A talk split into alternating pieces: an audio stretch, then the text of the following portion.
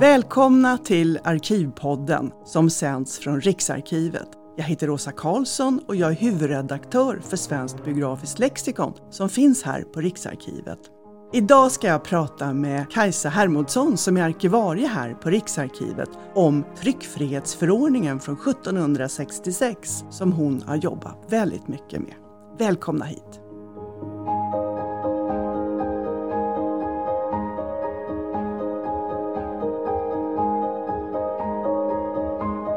I maj 2023, alltså bara för några månader sedan, så beslutade Unesco i Paris, alltså det, Unesco är ju ett organ inom FN, man beslöt att utse den svenska tryckfrihetsförordningen från 1766 till världsminne.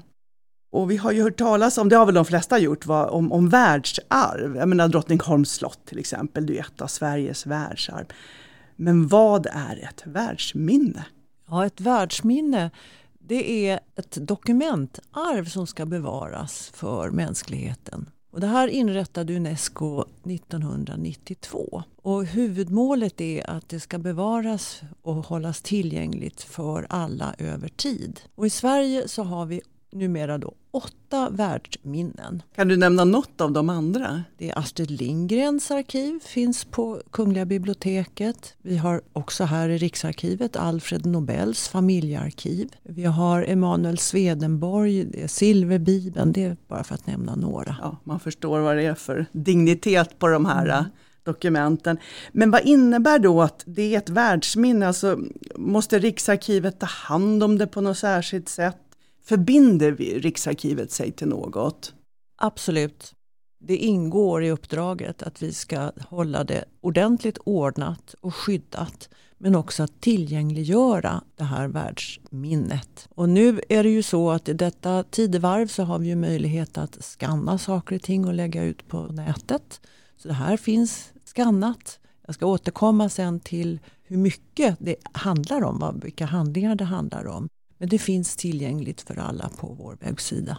Men du var lite inblandad i ansökan. Kan du berätta lite grann hur det gick till när ni liksom lyckades få det till ett världsminne? Ja, vi får gå tillbaks till 2016 då två helt andra personer än jag hanterade det här, nämligen Jonas Nordin som var då anställd på Kungliga biblioteket och Björn Asker här på Riksarkivet som skickade in en ansökan och det gör man inte direkt till Unesco i Paris utan man gör det via Svenska Unesco-rådet. Och dessförinnan så har det hela förberetts av den svenska världsminneskommittén.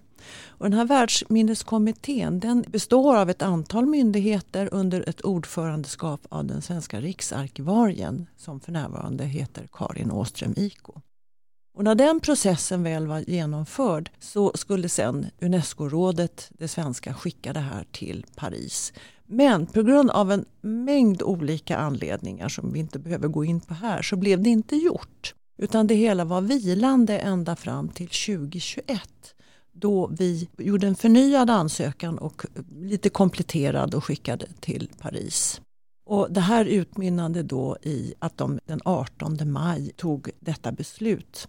Vilket är helt fantastiskt. Och vi var inte ensamma om att få den här utmärkelsen. Det var 64 stycken världsminnen som delades ut. Men det här tycker vi är ju en otroligt fin utmärkelse som vi är oerhört stolta över.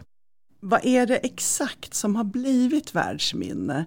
Och vad jag förstår så är det ju dels att Riksarkivet har handlingar som har blivit världsminne. Men det finns också ett samarbete med Kungliga biblioteket som också har delar av det här världsminnet. Vad är det för någonting som det handlar om? Jo, det handlar om en process. Det är det som är världsminnet egentligen. Hela resan ifrån idéer, diskussioner fram till en lag som då blev stadfäst den 2 december 1766. Och där finns då bakgrundsmaterialet i Riksarkivet i dåvarande riksdagens arkiv i det som kallas för frihetstidens utskottshandlingar.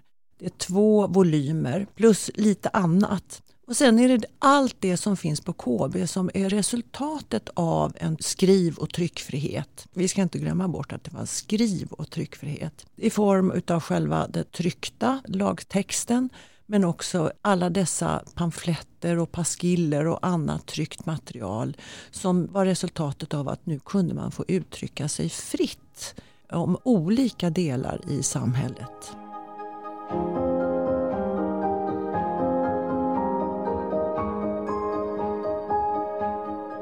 I den här podden ska vi nu försöka förklara lite grann varför tryckfrihetsförordningen 1766 är så unik och varför den har blivit ett världsminne. Och först ska vi väl kanske titta lite på bakgrunden till det här.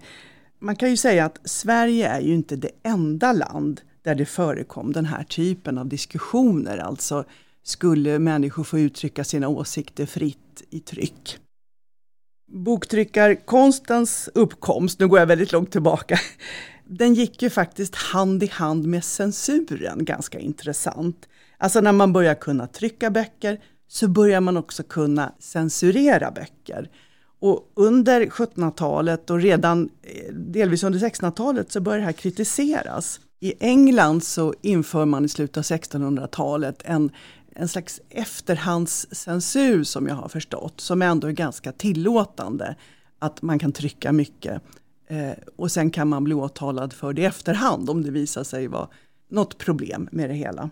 Det är inte riktigt det som kommer i Sverige sen. Och det, det finns andra länder också som hade de här diskussionerna. I Sverige så trycktes ju den allra första boken 1483 men några egentliga censurlagar, vad jag förstår, får vi inte förrän på 1600-talet. Även om det finns en slags indirekt censur redan tidigare. Och den första censurlagen kommer 1661 och den är också en sån här efterhandscensur. Alltså först trycker man och sen granskar man och drar tillbaka. Och det tog bara ett år så kom de på att det var ju otroligt opraktiskt. Alltså det trycktes ju en massa som man inte ville skulle tryckas. Så ett år senare så ändrade man till en förhandscensur. Alltså att manuset skulle skickas in och granskas innan det trycktes. Och några år senare så inför man också en person som blir ansvarig för den här censuren. Censor librorum, librorum tror jag han kallas. Och det var ett ämbete som fanns då eh, kopplat till kanslikollegium. En liten bakgrund, men, men hur fungerade egentligen den här censuren? Va, vad säger du? Alltså man, man skulle skicka in sitt manus, men, men vad gjorde då den här censorn egentligen? Censorn hade som uppdrag att granska texter, också den språkliga behandlingen av texter. Så att det svenska språket skulle censorn ha överinseende och stavningsregler och en massa saker. Och eh, i det fall det inte var tillåtet, ja då fick man ju inte ge ut de här texterna.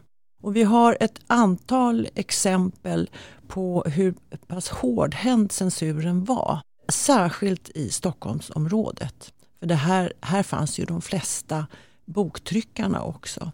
Så att vi har ett berömt exempel av Peter Forsgård som ju var en filosof, bördig från Helsingfors, som 1759 gav ut en skrift och den blev eh, indragen. Och det här var ju oerhört problematiskt för det fria ordet. För just den här fri, skriften handlade om det fria ordet, att kunna uttrycka sig i tal och skrift. Och det här behövde ju eh, så att säga, Sverige hantera. Och därför så satte ju riksdagsledamöter igång med att försöka ändra på de förutsättningarna. Och Forskål är väl ganska intressant just här för att det var väl också så att sensorn, som då hette Öl von Ölreich, han gav en det här tillåtelsen att trycka till den här tankar om den borgerliga friheten som Forskål hade skrivit imprimatur. Han fick rätt att trycka. Han såg lite mellan fingrarna med saker och ting. Alltså det var som att hans ämbete redan lite hade börjat, inte upphöra, men ja, han blev lite slappare mot slutet kanske. Men kanslikollegium blev väl jättesura och sa att det där får ni absolut inte sprida. Och då kontaktade man Uppsala universitet där Forskål ju var eh, student och eh, sa åt rektorn som hette Carl von Linné som var Forsgårds lärare och mentor att nej nu måste du dra tillbaka de här böckerna och det gick inte alls. Han lyckades hitta 79 av 500 va? Var det inte någonting sånt där? Så att det var liksom man kan se att redan före tryckfrihetsförordningen så det börjar liksom upplösas lite grann. Och jag tycker en, en ganska intressant sak är också att man kan se antalet tryckta skrifter ökar ju redan från någon gång 1740 40-talet så börjar det ske en, en, allmän ökning av hur mycket som trycks i Sverige. Så att det händer saker som väl antagligen leder fram också till att man driver på den här tryckfrihetsförordningen. Ska vi säga någonting om vad är det för samhälle vi befinner oss i här på 1700-talet? Ståndssamhället, vad är det? Vi har ett ståndssamhälle, det har vi haft länge. De som är då är representerade på den högsta nivån, nämligen riksdagen, det är adeln, prästerna, borgarna och bönderna. Och vi har under hela den här perioden från som jag utgår ifrån, eh, det som kallas frihetstiden från 1718 och fram till 1772, så har vi fått en förskjutning i riksdagens betydelse och, och makt lite grann. Det är därför vi kallar den för frihetstiden. Och vi har också embryon till två politiska partier hattar och mössor. Hattarna mer konservativt lagda och mössorna mer liberala. Och under den här perioden så har hattarna majoritet i riksdagen. Och riksdagarna infaller med jämna mellanrum var tredje, fjärde år någonting och varar i stort sett två år i taget. Men under riksdagen 1765-66 då får mössorna majoritet. Och det är då som slutspurten med att genomföra den här lagstiftningen äger rum. Men man har redan tidigare vid 1760-62 års riksdag gjort ett förarbete som är mycket väsentligt i det här sammanhanget. Och som är väl extra väsentligt just för det som vi på Riksarkivet intresserar oss lite extra för, alltså offentlighetsprincipen, det här att allmänna handlingar kan begäras fram och skrivas av. För att på riksdagen 1760-62 så börjar man vilja utkräva ansvar av de där hattarna och vill börja trycka protokoll och massa grejer och det vill ju inte hattarna att man skulle göra. Och frågan kommer heller inte så långt. Visst tillsätter man ett utskott redan då som ska behandla det? Men vi vet inte så mycket om det. Absolut. Alltså det finns något som heter den stora deputationen och det är en grundlagsberedning. Och de tillsätter det som kallas för det tredje utskottet som ska utreda det här. Och det, den tidigare riksdagen så kommer man inte så långt med det här arbetet. Men i och med att man fortsätter arbetet då 1765 och det har skrivits en del betänkanden tidigare som är viktiga underlag. Så redan ifrån augusti 1765 och fram till om jag minns rätt den 18 juli 1766 så sammanträder det här utskottet 16 gånger. Och alla dessa möten finns då protokollförda och en oerhört intressant läsning för den som behärskar eh, 1700-talshandskrift kan vi väl säga. Men det finns alltså tillgängligt i det som kallas för frihetstidens utskottshandlingar och som då har ett R-nummer. R3405, där finns tredje utskottets handlingar. Medan stora deputationens handlingar finns i en annan volym som heter R3404.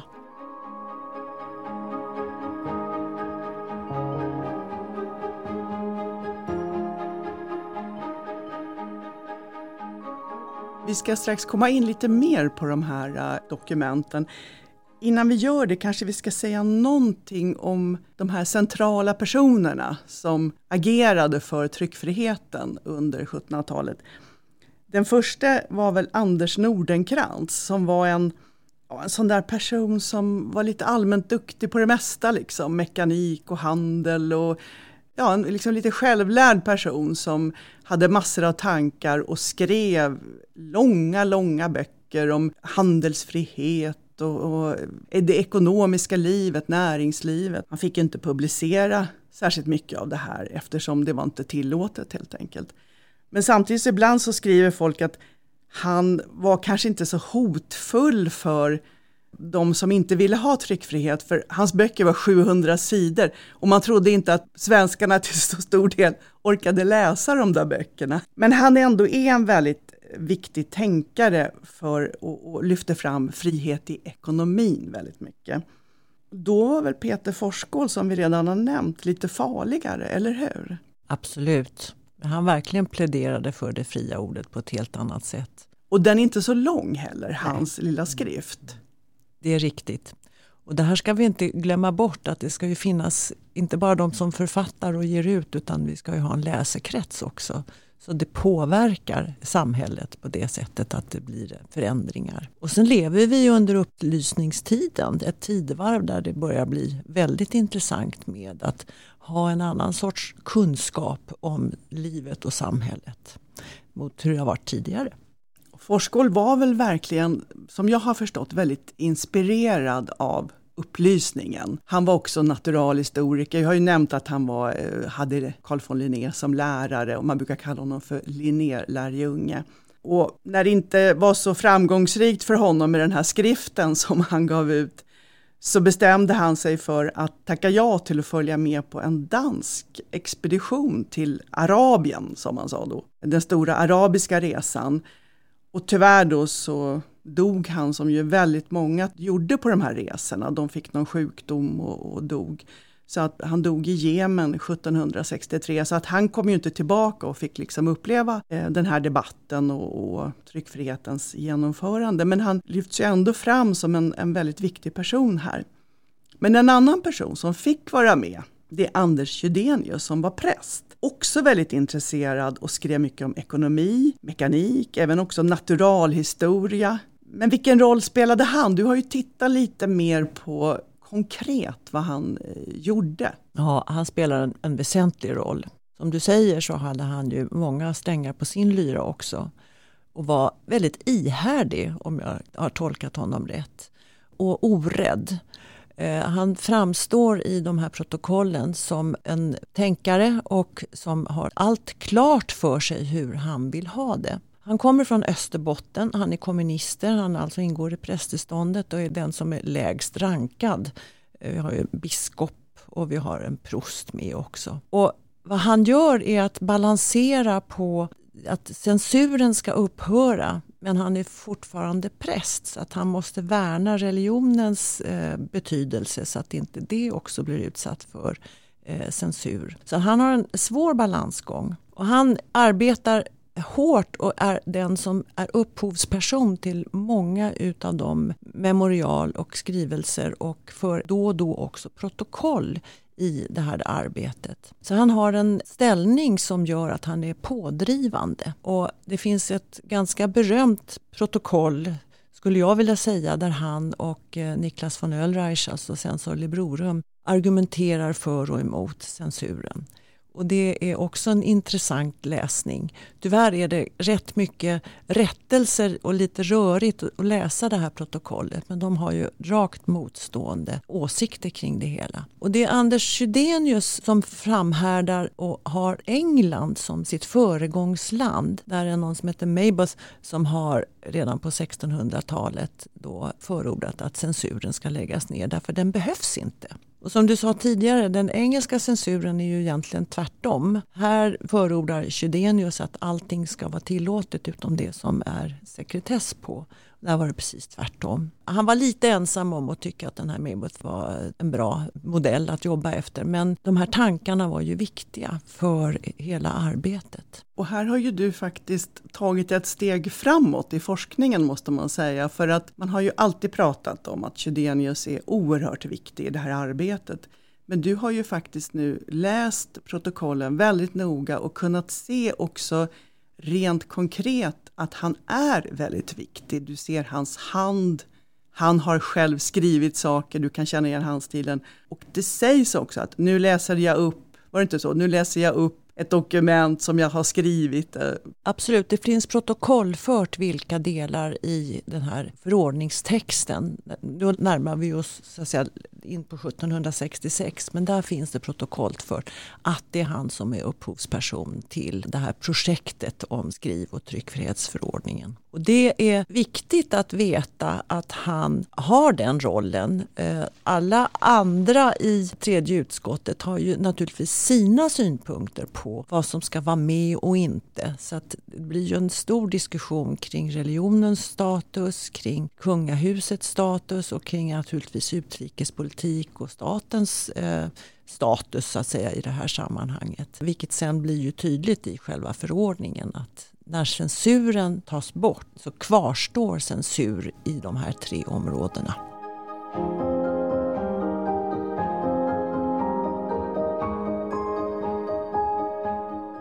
Du, innan vi fortsätter med riksdagen 1765-66 Ska vi kommentera det här med Finland? För att både Anders Chydenius och Peter Forsgård föds ju i Finland, alltså det som vi idag säger Finland, som ju var en del av Sverige på 1700-talet.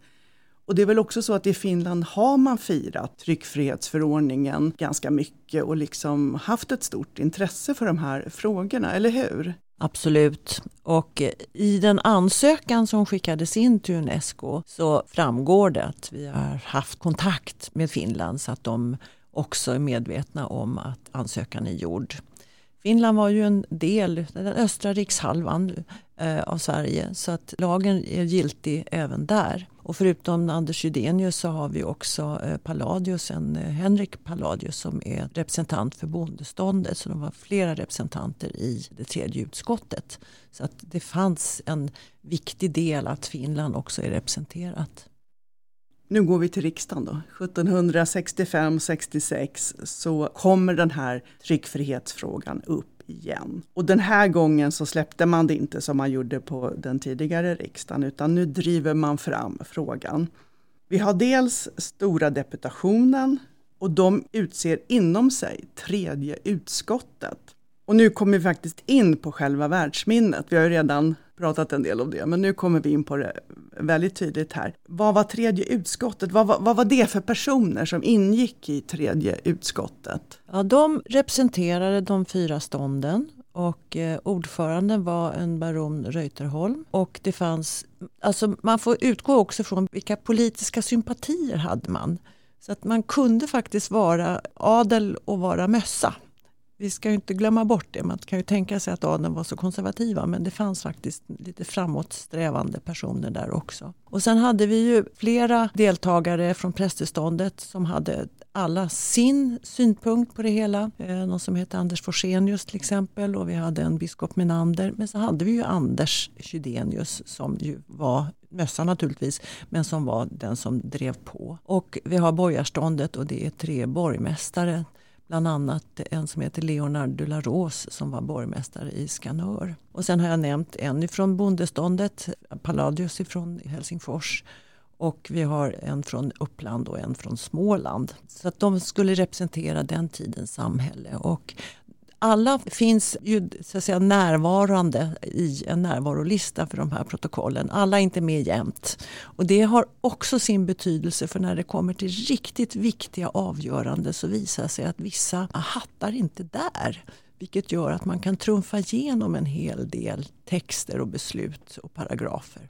Jag tänkte just fråga dig om det, för att jag har läst någonstans just att de som var emot tryckfriheten de engagerade sig inte så djupt i det här arbetet. Vilket underlättade för de som ville ha tryckfriheten. Det är liksom, stämmer det med vad du ser i protokollen? Ja, faktiskt. Det är ju lustigt. Va? Det är väldigt lustigt. Eller att de kommer för sent så de, gör, alltså de sitter och väntar på att de ska komma som utlovat och sen får man skjuta upp det här eh, besluten eller eh, diskussionerna till nästa gång.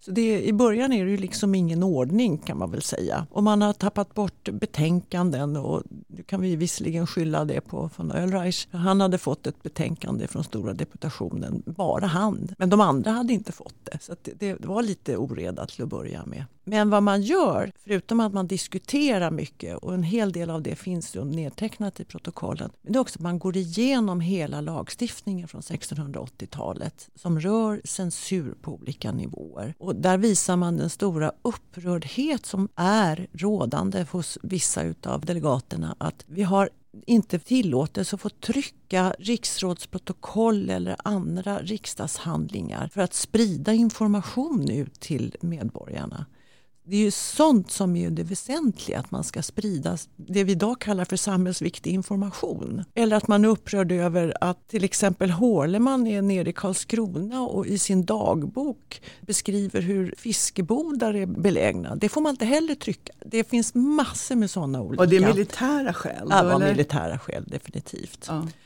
Så att vi har en hel brokig flora av hur censuren har fungerat lagstiftningsmässigt men också hur det slår.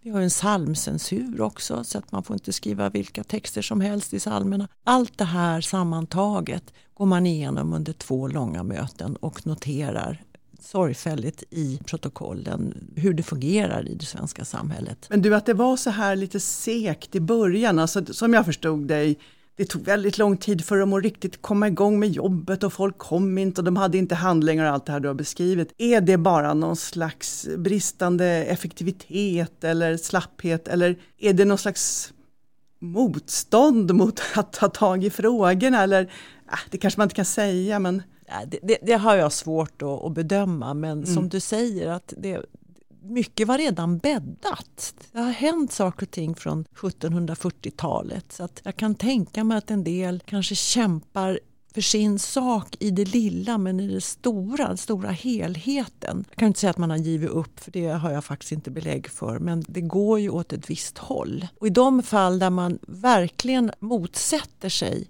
eh, genomförande av vissa paragrafer som Chydenius och andra har skrivit så har man alltid möjlighet att, att komma med särskilda synpunkter så att det finns då inlager från till exempel den här Anders Forsenius där han då beskriver sin åsikt och att det finns särskilda protokoll också när andra har avvikande åsikter. Och därför kan man väl säga att det speglar ganska bra det som var ståndsriksdagen och frihetstiden, att det faktiskt fanns den här debatten. Jag, menar, jag jämför bakåt med det jag har forskat om, Karl XII-tiden, där det inte fanns någonting alls, liksom, där ingen fick säga någonting. Det är en enorm eh, förändring som man kan se i de här protokollen verkligen.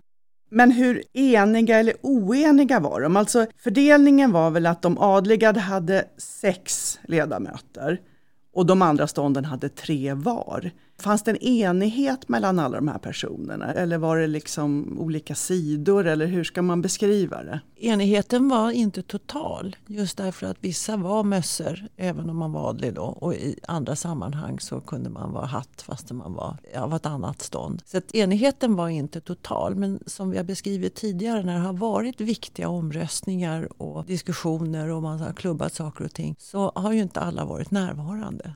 Det är, det är lite slarvigt lite känns det slarvigt. som. Men orsakerna till frånvaro det vet inte jag. Prästerna var väl också ganska tveksamma till tryckfrihetsförordningen. Och där tänker man ju som du antydde att det spelar kanske roll att en av de drivande, Anders Chydenius, själv var präst. Han kunde förstå liksom deras invändningar och man lyckades få med dem till slut på båten. Hur gjorde man det? Jo, genom att man gick dem till mötes och att den censur fanns kvar rörande religiösa ting. Kanske inte i sin hårda form som tidigare men i alla fall det fanns möjlighet att censurera så att vi kunde bibehålla den religiösa struktur som vi hade i landet så att kyrkan skulle få stå kvar i sin position.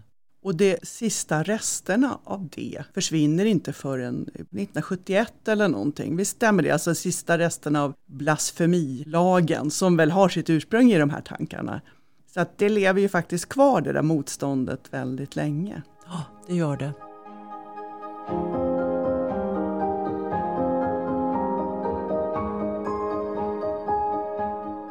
Adeln gjorde ju också ett ganska stort motstånd, men lyckades man övertyga dem då? Nej, egentligen inte. Därför när det kom till en omröstning så var de emot att lägga ner censuren. Men det fanns tillräckligt många röster bland de som var närvarande så att det ändå gick att driva igenom den nya förordningen. Jag tycker det är fascinerande att här lyckas de, vi kallar dem för de ofrälsestånden, borgare, präster och bönder, driva igenom någonting mot adeln det var ju nästan otänkbart tidigare. Adeln var alltid det dominerande ståndet, vad de tyckte blev ofta beslutet. Men här lyckas de faktiskt i en så väsentlig fråga.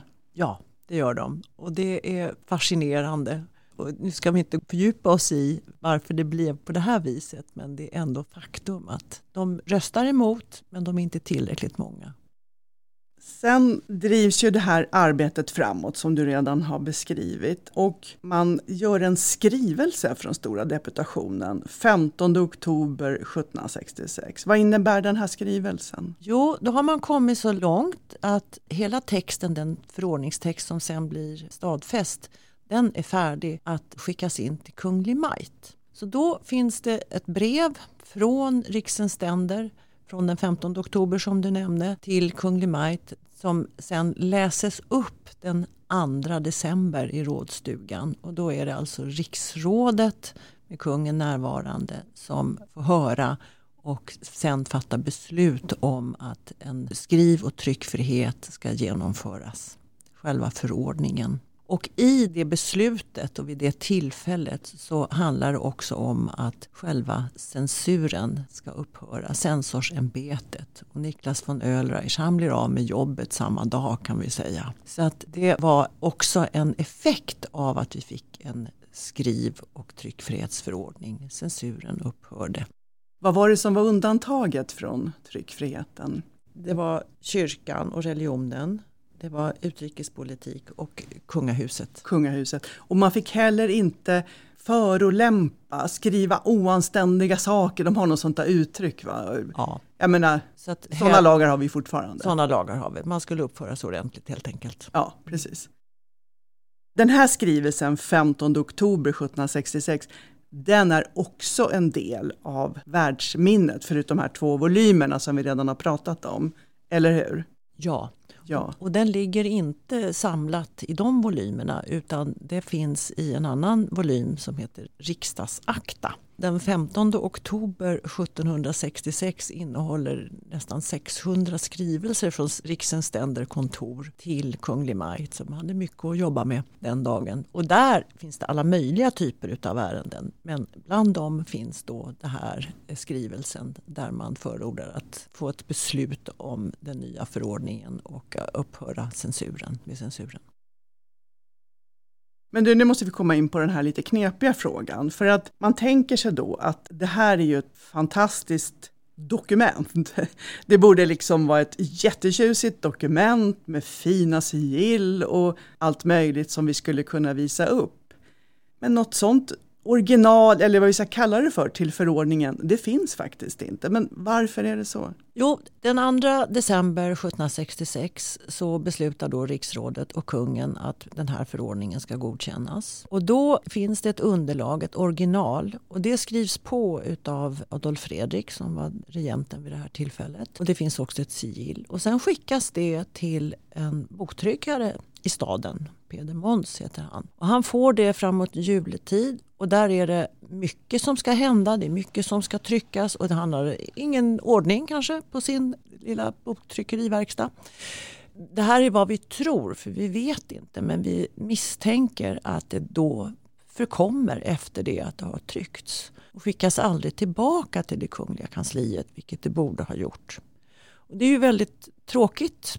Men så här är det i den svenska eh, ska vi säga, ordningen att vi har alltid kvar ett koncept. Det finns ett ursprungs... Det kan vara en kladd ibland eller också som i det här fallet en likalydande version med några få tillägg men utan kungens underskrift. Och sen har man i efterhand skrivit till datum både på försättsbladet och på sista sidan. Och det här finns då utgivet så att säga. Vi, vi har det i trycket då, det som finns på Kungliga biblioteket på många andra ställen. Men också själva det här konceptet ligger inbundet bland alla originalförordningar som är från det året.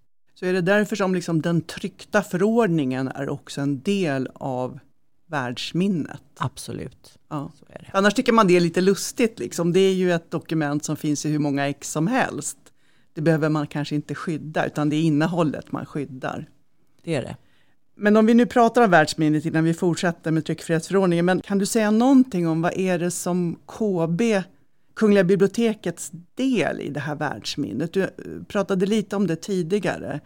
Själva förordningen, men sen också en massa tryckta småskrifter och vad är det för någonting? Jo, det som man inte fick ge ut tidigare var en mängd småskrifter, pamfletter, paskiller och annat som tar upp en massa olika ämnen som inte var tillåtet att ta upp och skriva och trycka tidigare. Så det här efter det att det hade vunnit laga kraft och det var en lång tid in på våren 1767 så började man alltså kunna trycka de här sakerna och de finns ju på KB. De är inte jättemånga men de finns.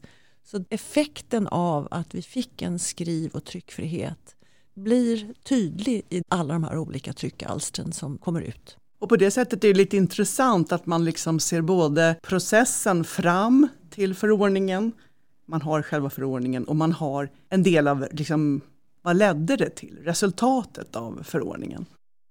Jag tänkte vi skulle prata lite grann om själva förordningen nu. Det finns ganska mycket intressanta formuleringar tycker jag i den här förordningen och kanske särskilt för oss som arbetar på arkiv. För det är ganska mycket av den som handlar om att lämna ut handlingar, att man har rätt att skriva av, det räknas upp vad man kan få se för slags dokument. Det är en väldigt viktig förordning för Riksarkivet och för arkivväsendet, eller hur? Ja, det är det. Själva begreppet allmän handling dyker inte upp i texten men det är den betydelse det får. Så att i den sjätte paragrafen så stipuleras det att man har rätt att få del utav allmän handling omedelbart. Och den tionde paragrafen talar om att du har den här rätten men du har också rätt att få en bevittnad avskrift av denna handling för vår del som arkiv och som del i offentlighetsprincipen så är det här den viktigaste, de två viktigaste paragraferna. Här har vi det här begreppet, den heter ju faktiskt inte tryckfrihetsförordningen utan den heter skriv och. Alltså förordningen för skriv och tryckfrihet. Och det var väl en sån där sak som jag började fundera lite grann över, vad menar man egentligen med skrivfrihet? Och naturligt så tänker vi att ja, men man hade rätt att skriva vad man ville och sen trycka det. Alltså det är en frihet i åsikter eller i ämnen eller vad man ska kalla det för. Men det är också en frihet att skriva av. Vi kanske inte tänker på det, att liksom, om man skulle gå till ett arkiv och ta del av handlingarna, då skriver man av på den här tiden. Det har jag själv upplevt som student innan vi kunde kopiera och ha kameror och så vidare. Eh, mobiler och sitta och fota. Men det är verkligen det det handlar om här. Du har rätt att själv få skriva av en massa olika viktiga dokument. Eller som tydligen var ganska vanligt, man kunde beställa en avskrift från en myndighet. Och jag har till och med sett några resonemang om att om man hade beställt avskriften skulle man sen vara tvungen att trycka den, alltså göra den publik. Så att det är verkligen viktigt det här att handlingarna ska bli kända av många och de har mycket resonemang om hur viktigt det är för befolkningen att få veta hur riket styrs, att det styrs på ett bra sätt. Om det inte styrs på ett bra sätt så måste de få veta det också. Alltså de här resonemangen finns ju i själva förordningen.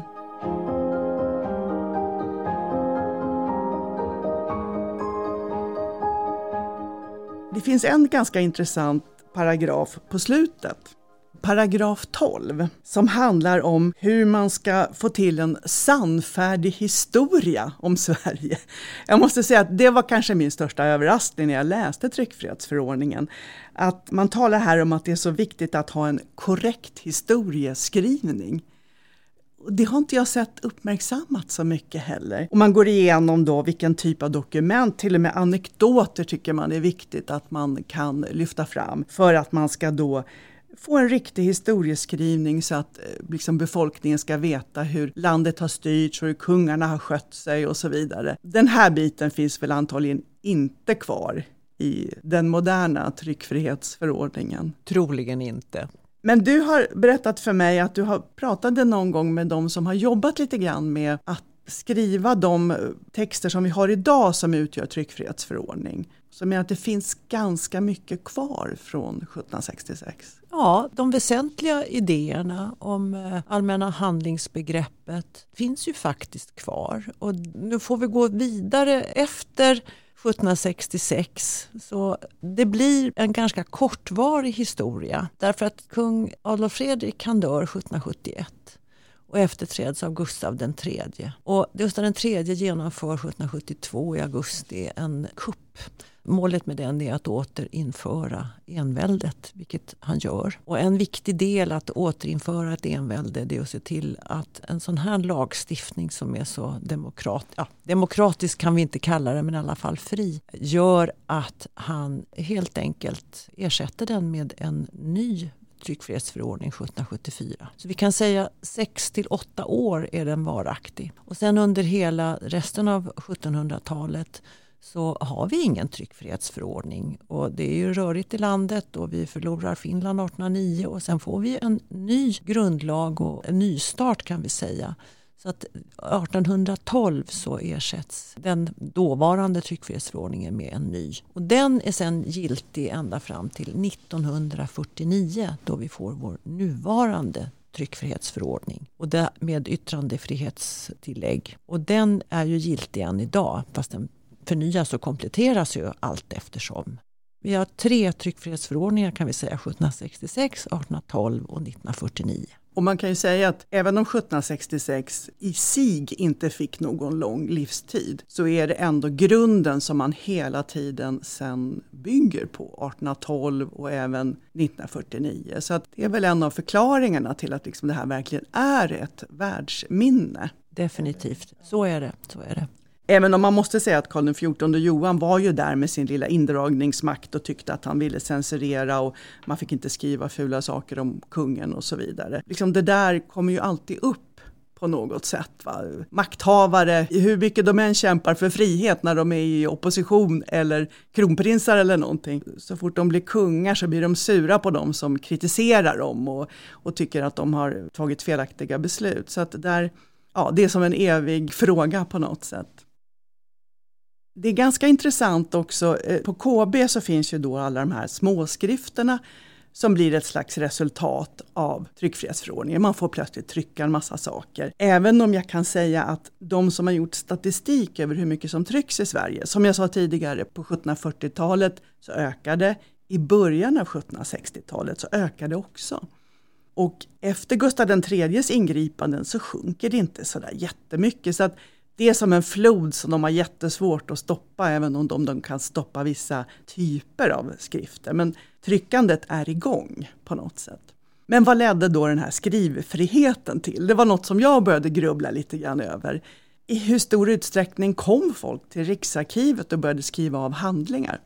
Ja, alltså i ingen utsträckning alls, för det fanns ju inga eh, alltså det vi normala som vi tänker att en myndighet levererar sitt arkiv eller regeringskansliet har levererat sitt arkiv. Det var ju inte riktigt igång vid den här tiden. Riksarkivet hade ju inte så mycket handlingar, utan vad man gjorde var att man gick till respektive myndighet och skrev av eller betalade för avskrifter. Och det uppkom en tidningskultur, ganska stor. Folk tänkte att hmm, jag kan nog tjäna pengar på att trycka det här och folk vill läsa. Det fanns till exempel en eh, som hette Erik Ekholm. Han startade två tidningar. Den ena hette Nytt och gammalt och den var väl ganska, om jag säger populistisk, alltså det var mycket sådär om präster som hade svurit under predikan och sådana där lite sensationella grejer som de tänkte att det där vill folk läsa om överflödsförordningarna handlade mycket om att folk drack kaffe och bråkade om det. Och, eller hade för fina kläder mot vad de fick ha om de, det stånd de tillhörde och så vidare. Sen startade han en aningen mer seriös tidning som hette Den svenska fatburen. Och där hittar man faktiskt den här typen av handlingar som förordningen talar om. Till exempel i numret som kom den 4 juni 1767. Där kan man läsa en dagbok över den märkvärdiga riksdagen år 1719 med mera som samma år sig tilldrog. Alltså här finns det här lite också historiska intresset. Så att det är ju uppenbart att det händer någonting. Här har ju verkligen forskningen inte intresserat sig så mycket för resultatet och det kan man ju hoppas att vi kan stimulera till lite mer forskning om det. Vi har nu talat en massa här om världsminnet och, och tryckfrihetsförordningen, men om man själv vill titta på det här, vad gör man då? Då går man in på Riksarkivets webbplats och där finns det idag utlagt information om tryckfrihetsförordningen på första sidan. Men man kan också gå in och söka på webbplatsens sökruta och då får man upp motsvarande material. Och då skriver man tryckfrihetsförordningen så ska man komma rätt. Jajamän. Och där finns det länkat då till de här skannade volymerna som vi nu har talat om. Men då får man ju komma ihåg att detta är 1700-tals handskrift. Det kan vara ganska svårt att läsa om man inte är van. Men vi har ett projekt igång där vi försöker med AI läsa, maskinen får läsa de här handskrifterna och att vi ska kunna lägga ut en mer tillgänglig text som alla ska kunna läsa så att det verkligen blir tillgängligt. Gå gärna in på Riksarkivets hemsida och titta på det här materialet och lär er mer om tryckfrihetsförordningen. Tack så hemskt mycket för att ni har lyssnat på oss idag. Tack! Tack så hemskt mycket!